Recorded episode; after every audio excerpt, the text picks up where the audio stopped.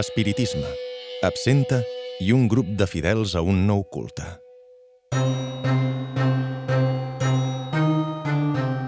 La rebel·lió dels dandis. Capítol 1. La nit que vaig conèixer els dandis.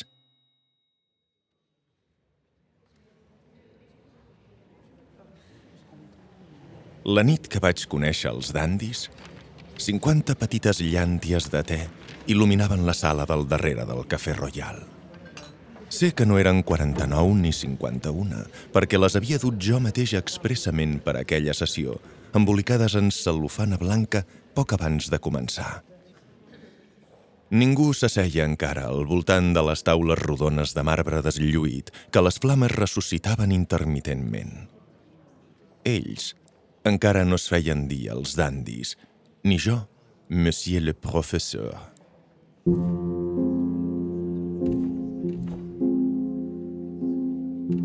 Havíem convocat una séance, una séance mediúmica com a metàfora de la literatura revelada, que defensàvem a mort per sobre una literatura entesa com a ofici, com a artesania. Aspiràvem a l'art. Jo m'havia cobert amb una capa i un barret de l'ample. Havia anunciat que qui es presentés amb una espelma rebria a canvi un got d'absenta. Ens disposàvem a convocar els grans esperits.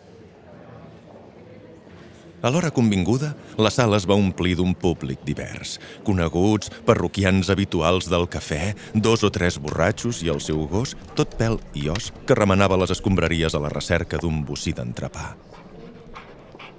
Ells van arribar quan tothom ja estava assegut i van anar a buscar una taula buida al fons de la sala. Van dur espelmes i van rebre la seva absenta. Van disposar els sis gotets de licor verd, quasi fluorescent, resseguint el diàmetre de llautó i de marbre fals en una geometria perfecta. Quan vaig començar a dir les primeres paraules, badaven boques de Bomarzo. Ja aleshores me'ls vaig estimar.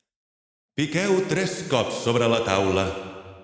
Vaig demanar als assistents que piquessin tres cops sobre les seves taules per invocar el més enllà.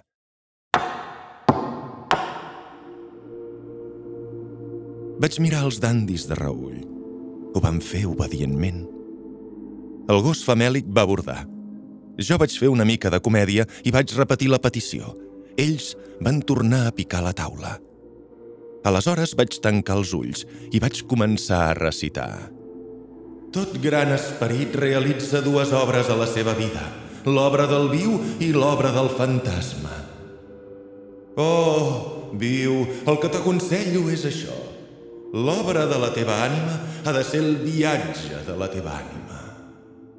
Vaig dirigir una mirada divina cap al sostre de la sala, on s'acumulaven volutes de fum, bafarades d'absenta, respiració sostinguda. Hi havia un silenci sepulcral. Qui diu poc, veu lluny. El nom del poeta és amor, el nom del músic és potència. Déu és el nom de tot. Vosaltres sou uns cretins. Adeu! Dit això, em vaig treure el barret, el vaig fer volar fins a l'altre extrem de la sala i vaig deixar caure la capa a terra. Em vaig quedar tot nu davant l'auditori mut. Vaig aguantar el rictus tant com vaig poder i després vaig fer una reverència. Abans que el meu front hagués tocat a terra, ells es van posar d'en peus, aplaudint enfervorits.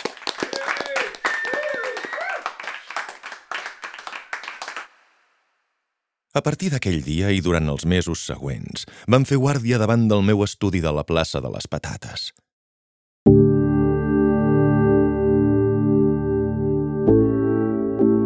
Anaven sempre perfectament vestits, cada un a la seva manera, però tots amb una elegància sòbria, de la qual es despenjava, com una fantasia, alguna ploma, cinta o lluentor d'originalitat extraordinària. Es feien dir així. Brumel, Duc d'Orly, Lady Sabine, Comtesse de Nuit, Nash, Lord d'Unceny. No sempre hi eren tots. Feien torns, però no em deixaven sol ni de nit ni de dia. Quan vaig entendre què estaven fent, els vaig llançar pel balcó el barret d'ala.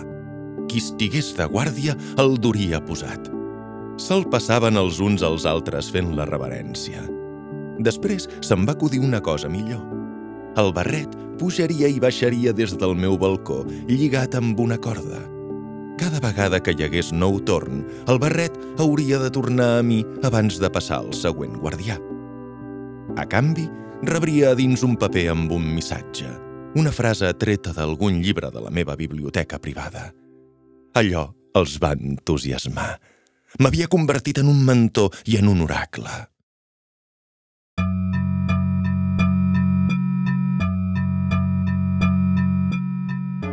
Brumel era sempre el primer a arribar. Era el més corpulent, cosa d'altra banda no massa difícil. En general, els dandis compartien la figura desnodrida i pàl·lida de la seva generació. Capitanejava el grup des del seu pam extra d'alçada. Lluïa una cavallera negra i brillant com la cua d'un gall de raça. Els llibres els duia sempre brandats com una espasa o un ram de flors davant el tors. El duc d'Orly admirava secretament Bromel, amorosament.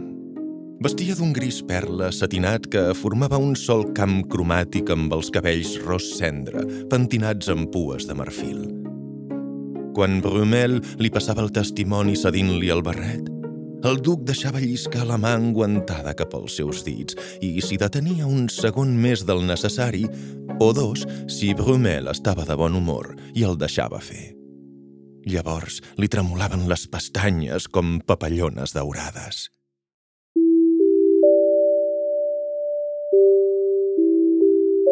Lady Sabine caminava com si no trepitgés el sol. Els cabells platejats, els ulls violeta... Translúcida de cos i pensament, visionària, protegia el fràgil cor del duc d'Orly com un àngel guardià sense apenes tocar-lo ni intervenir. Li recollia els mocadors, les llàgrimes. Caminava darrere seu sense trepitjar-li l'ombra vellutada. Es saludaven besant-se les palmes de les mans. Després, Lady Sabine esperava que la llum del dia es morís.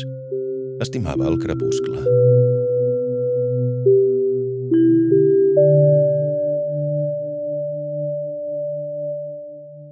La comtessa arribava a mitjanit cavalcant la nit, menjant-se-la a besades. Era dandi perquè, més que duquessa, era reina.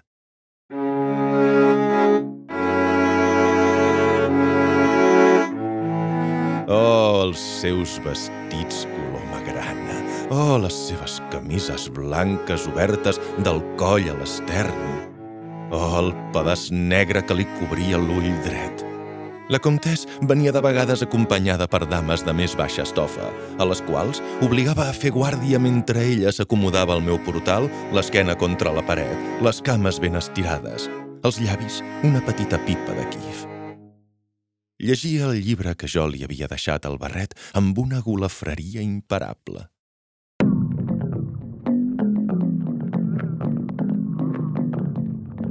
Quan ja començava a clarejar, apareixia Nash, mig foll. Arribava donant toms a una banda i altra de la plaça, el corbatí negre desfet sobre la nou molt pronunciada. El vaig veure a vegades al límit de la consciència, ebri d'èter, però mai no va faltar. Si arribava massa tort, la duquessa el dreçava amb un cop de peu viril. Ell aguantava estoicament l'embat. Treia una pataca de plata de dins l'americana i es revifava amb un glob d'algun beuratge que només hauria pogut resistir un príncep o un cavall. Llavors, restava dret i immòbil, com l'estilita, fins que les llambordes retrunyien i el capità Brumel arribava just a temps per passar revista, prendre el barret i deixar que Naix anés a desplomar-se vés a saber a on i amb qui. Lors d'une sani era l'únic que no apareixia mai a una hora concreta.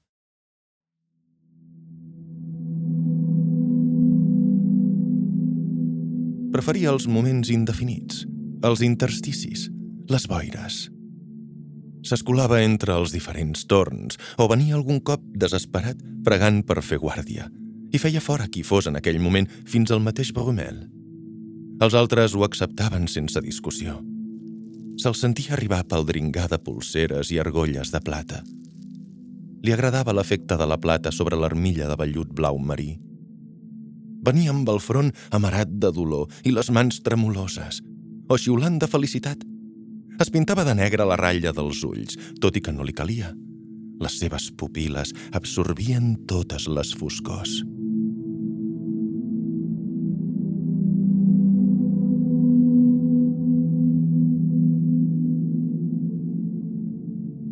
De tots ells, era l'únic que em feia patir, perquè era l'únic que de veritat patia. Li vaig entregar aquesta frase. Raríssim. És un suprem refinat que s'entreté amb la vida com amb un espectacle eternament imprevist, sense cap altre amor que a la bellesa, sense cap altre odi que a allò que és mediocre i vulgar.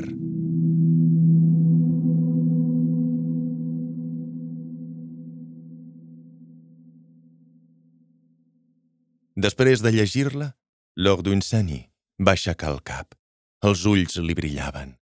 Res no volia més al món que ser poeta. Sé que en aquell moment va estar temptat de trucar al timbre i demanar-me per pujar, però allò estava prohibit des del principi i m'hi vaig mantenir ferm. No volia que el meu lligam amb els dandis es convertís en personal. Em quedava poc temps i volia que s'estalviessin el procés.